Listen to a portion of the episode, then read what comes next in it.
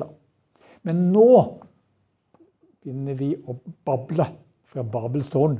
Det er, fra kapittel 11, det er i kapittel 11 det, i, i, i første Mosebok. Ja, ordet å bable, det kommer derfra, faktisk. Eh, og nå, nå, nå, blir det på en måte litt, litt om, om, andre ting, om språk. Kapittel 11 begynner sånn. Hele verden hadde ett språk og samme tungemål. Hvilket språk var det?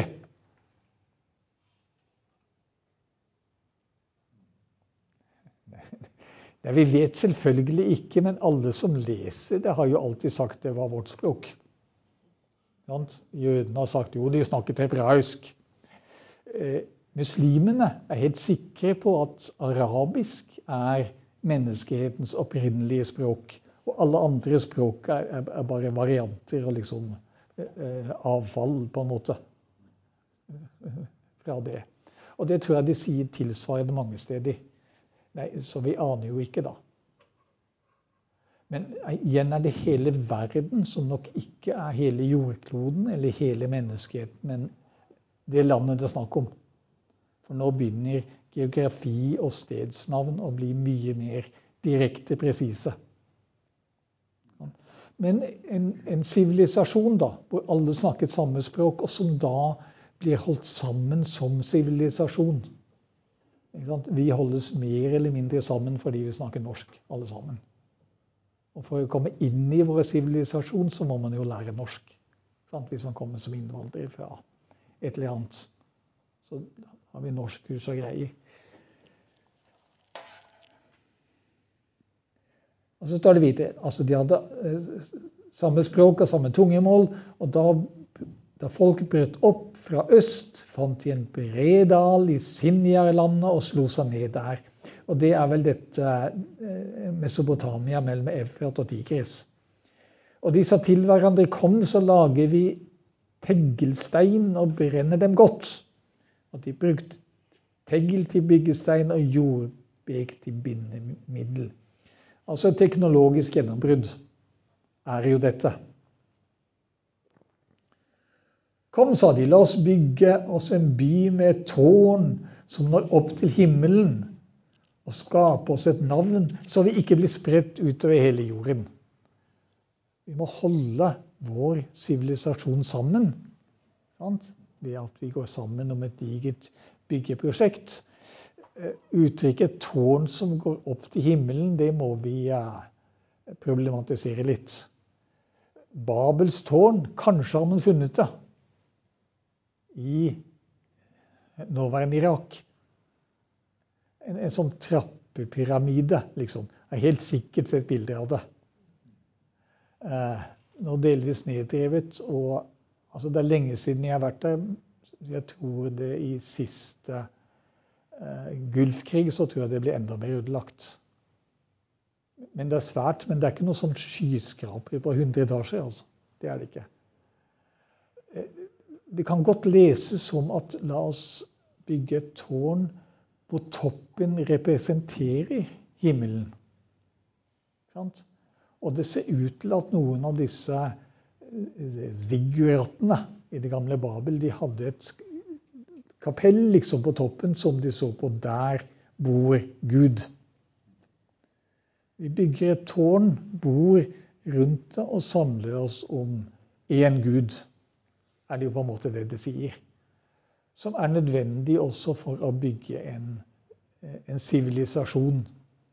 Altså det å ha eh, et sted eller noe å se opp til. Altså være felles om eh, idealene man ser opp til. Altså Sånn som eh, hos oss er det vel demokratiet, kan jeg tenke meg, som vi forventer at alle skal være samlet om. Men, det, men det, det, det, vil jo ta forskjellige uttrykk andre steder. I Egypt bygget, bygget de pyramidene. De jo, har noen sett pyramidene i Egypt? Ja, det er jo kjempeflott. Jeg var så imponert første gang jeg så dem, fordi de så ut akkurat som i Donald Duck. Og da, og da var det liksom legitimisert. Ja, la oss Så vi ikke blir spredt utover hele jorden. Så ikke vår sivilisasjon går i oppløsning. Og det er jo bra, vel, er det ikke det? At vi har en sivilisasjon og et fellesskap. Og noe å samles om. Og, og eh, stort sett være enige om hva som er de høyeste idealene. Å bygge en nasjon med felles sivilisasjon. Er ikke det bra? Selvfølgelig lurespørsmål, for nå leser jeg neste vers. Da steg Herren ned for å se på byen og tårnet som menneskene bygde. Herren så de, Herren sa, se, det er ett folk, og samme språk har de alle. Dette er det første de vil ta seg fore. Nå vil ingenting være umulig for dem hva de så finner på å gjøre. Ja, Mennesket ser ut til å nå få alle muligheter til å få all kontroll og dominans og makt overalt.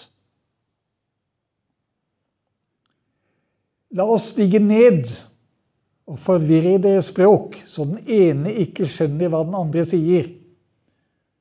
Og så spredte Herren den derfra utover hele jorden, og de holdt opp med å bygge på byen ødela sivilisasjonen, altså. Det sier jo faktisk det at menneskelig sivilisasjon og fellesskapsbygging, det er noe Gud slår i hjel. Noe Gud slår ned på. Altså Alt det vi holder høyt og ser opp til, det ser Gud som en fryktelig trussel og slår ned på. Og det syns jeg er ikke noe hyggelig å høre, men det er interessant, og det er nok sant, dette her. Det at vi er mektige fordi vi står sammen, gjør at vi jo ødelegger hele jorden. Vår makt og vårt fellesskap gjør at vi ødelegger. Vi vi bruker opp ressursene, vi forsøpler, vi forgifter, vi dreper. Jo mer makt vi har, jo mer felles og forenet vi er, jo verre blir vi. Det er igjen Bibelens veldig pessimistiske menneskesyn. Som Gud her stiger ned til og ødelegger. Altså Han driver ikke ned noen bygning, men han sørger for å skape så mye forvirring blant dem at sivilisasjonen går i stykker. Altså litt, litt teoretisk om det. Hva skal til for å bygge en sivilisasjon og et fellesskap? Og Det er vel det vi mennesker er flinkere til enn noen annen. Bygge sivilisasjoner og fellesskap. Kanskje er det grunnen til at Homo sapiens, da vi kom fra Afrika en gang, faktisk utryddet neandertalerne, som så ut til å være mye bedre tilpasset enn det vi er. Sterkere, større hjerne. Ja, bedre tilpasset klimaet. Men allikevel, de forsvant, og vi vant. Kanskje var det noe blanding også, men i hvert fall det er vi som er her nå. Og Kanskje grunnen er nettopp Homo sapiens, altså oss, vi eh, har evnen til å bygge en stor sivilisasjon. Altså en, et fellesskap av mange mennesker. Det ser ut til at neandertalerne aldri kom forbi store familier. Altså Man har visst aldri funnet sånne huler med mer enn 30-40 mennesker av dem. Mens vi har laget kjempesivilisasjoner og svære byer og har kunnet samarbeide eh, i store flokker. Hva skal til for å bygge det? Jo, noe veldig rart noe. Eh, godta absurditeter. Skal du bygge et fellesskap, så må du si hvem som er utenfor. Man lager definisjon. Definisjon betyr gjerde. Som skal skille de som er utafor gjerdet, fra oss som er innafor. Det er sivilisasjon. som det skaper ved å lage noen sånne felleskulturelle absurditeter. I Det gamle testamentet så finnes det noen helt absurde bud som bare er tull, altså. Omskjærelsen, eksempelvis. Ikke noe poeng. Eh, du skal ikke gå med klær av to forskjellige stoff. Det er for noe tullball. Du skal skrive Guds ord på dørstolpene. Hvorfor det? Hvem går på dørstolpene og leser? Poenget er at når du lager sånne egentlig absurde bud, så skiller du ut de som ikke vil være med. Hvis du protesterer vilt mot omskjærelsen, så sier, du, så sier, du, til alle andre eh, 'Jeg er ikke en av dere'. Alle vil si om deg 'Du er ikke en av oss', som ikke vil godta omskjærelsen. Så Da er du støtt ut, og da er fellesskapet innafor etablert. Vi må alltid støtte ut noen for å kunne være felles om noe annet. Hos oss har vi det sånn som eh, julenissen er sånn. Ingen tror vel i fullt alvor på en med langt skjegg som klatrer ned gjennom pipa til folk. Barn tror det i beste fall veldig kort tid, men de avslører det nokså fort. Men alle skal lære å godta det julenissen som står foran kjøpesentrene. Alle nissene og bildene og julekortene og alt dette her. Du skal godta julenissen for å være skikkelig norsk. Hvis du protesterer vilt mot julenissen og sier at nei, det er tull, det vil ikke jeg tro på, det vil ikke se noen julenisse noe sted, da har du satt deg utenfor. Og du er ikke en del av sivilisasjonen. 17. mai-vannet vårt er på samme måte. 17. mai-sløyfer, og vi går i tog. Og 17. mai-sanger og sånn, og taler og greier. Nesten ingen vet jo egentlig noe særlig av hva som skjedde den 17. mai 1814 på Eidsvoll. Du blir veldig fort ferdig med å si det du vet. i hvert fall. Men du skal godta det og være med på det. Ellers er du utafor. Hvis du bare står og ler hånlig av 17. mai-toget, så har du sagt 'jeg er ikke med' blant dem. Så eh, bygging av sivilisasjon det er også å støte ut de som er utenfor. Og Den mest effektive metoden på en måte, det er jo språket. Hvis vi snakker samme språk, så har vi fellesskap. Og de som snakker andre språk, de er ikke blant oss. Og det var det Gud gjorde med Babelstårnet. Han eh, spredte dem og skapte forvirring i språkene. Han skapte babbel, altså. Det er det det kommer av. Folk begynte å bable, og de skjønte ikke hva de andre sa. Og da går sivilisasjonen i stykker. Og øh, Det nye testamentet tar opp dette her. Gud splittet folkene. I hver sine folk står de apostelgjerningene. For at de hver for seg skulle søke Gud der de kan finne han. For å begrense menneskehetens ubegrensede makt, så splitter han oss i sivilisasjoner, nasjoner, språk, kulturer, alt mulig. Ikke så veldig hyggelig å høre når vi vil ha en forenet verden. Men det er det farligste som fins dette er. Ehm, det er klart, Når man skal se på dette historisk altså Dette er igjen slik som de så, faktisk så det og oppfattet det. Eh, skal vi se på prøve som språkforsker å finne ut hva var menneskehetens felles språk opprinnelig? Ja, vi kommer ingen vei. Språkene er så forskjellige at det går ikke an å finne en felles rot for alle, liksom. Det beste vi kan gjøre, det er å lage oversikter over språkfamilier. liksom. Indogermanske språk det er jo oss. Og så er det eh, østasiatiske språk er en annen familie. og sånn. Finsk jo nesten, hører jo nesten ikke til noen ting.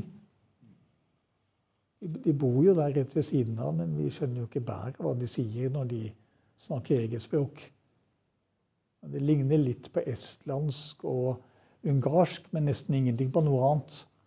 Men det er faktisk veldig forvirrende å se hva er den egentlige likheten og forskjellen mellom sånne forskjellige språk som vi har.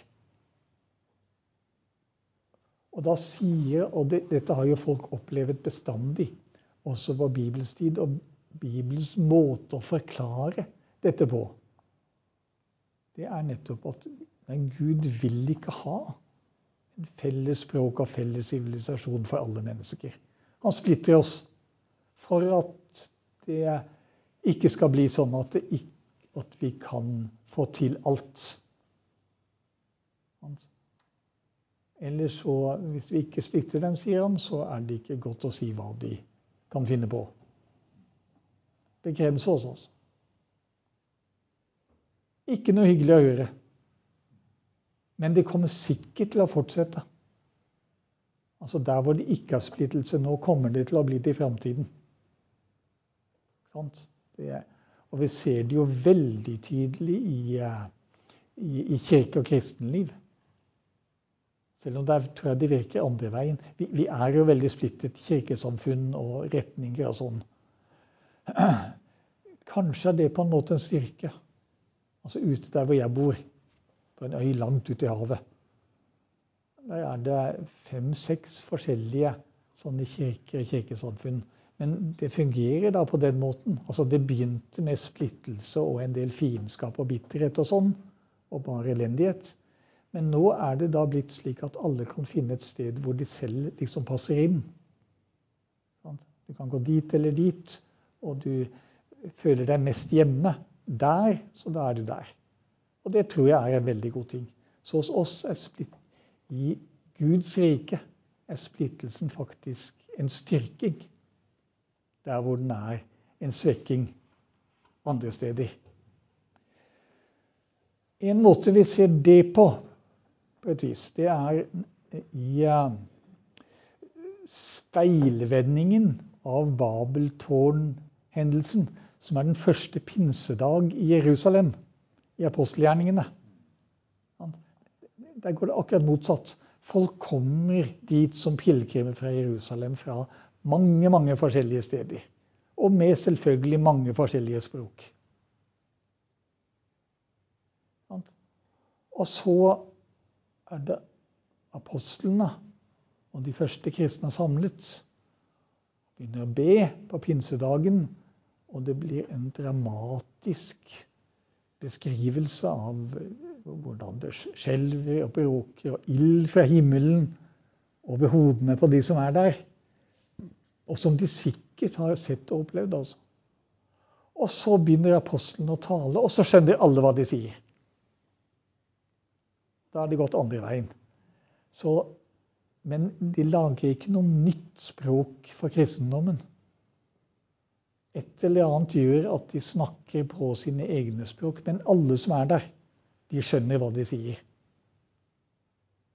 Hvordan det går til, det, vet jeg jo ikke. Men det var sånn de opplevde det. At pinsen i Jerusalem var på en måte speilvendingen av Babelstårn-historien. Og det er en av grunnene til at kristendommen godt kan oversette Bibelen til forskjellige språk. Det er ikke noe hellig språk egentlig. Dessverre. Jeg ville gjerne at hebraisk og arameisk skulle være det, men jeg, ikke, jeg klarer ikke å få det til. Vi kan oversette det til hva vi vil av alle språk som folk snakker og skjønner. Og vi er visst på veldig god vei. Nå vet jeg ikke hvor mange tusen språk Bibelen er oversatt til nå. Men det er tusenvis, altså. Og uh, Guds ord kan uttrykkes på alle disse språkene. På tvers av det skillet som vår si, politiske menneskelighet har satt så er det et Guds rike som binder oss sammen. Ved Guds ord. Og som gjør at vi kan oversette den. Jeg tror at en av islams store svakheter det er det at de sier at Koranen kan ikke oversettes. Ja, På en måte er det riktig det, fordi at eh, altså den arabiske poesien som finnes i, i Koranen, du får ikke den igjen på noe annet språk. Jeg tror inkarnasjonsspørsmålet er Ja, nøkkelen i dette. nemlig. Nemlig.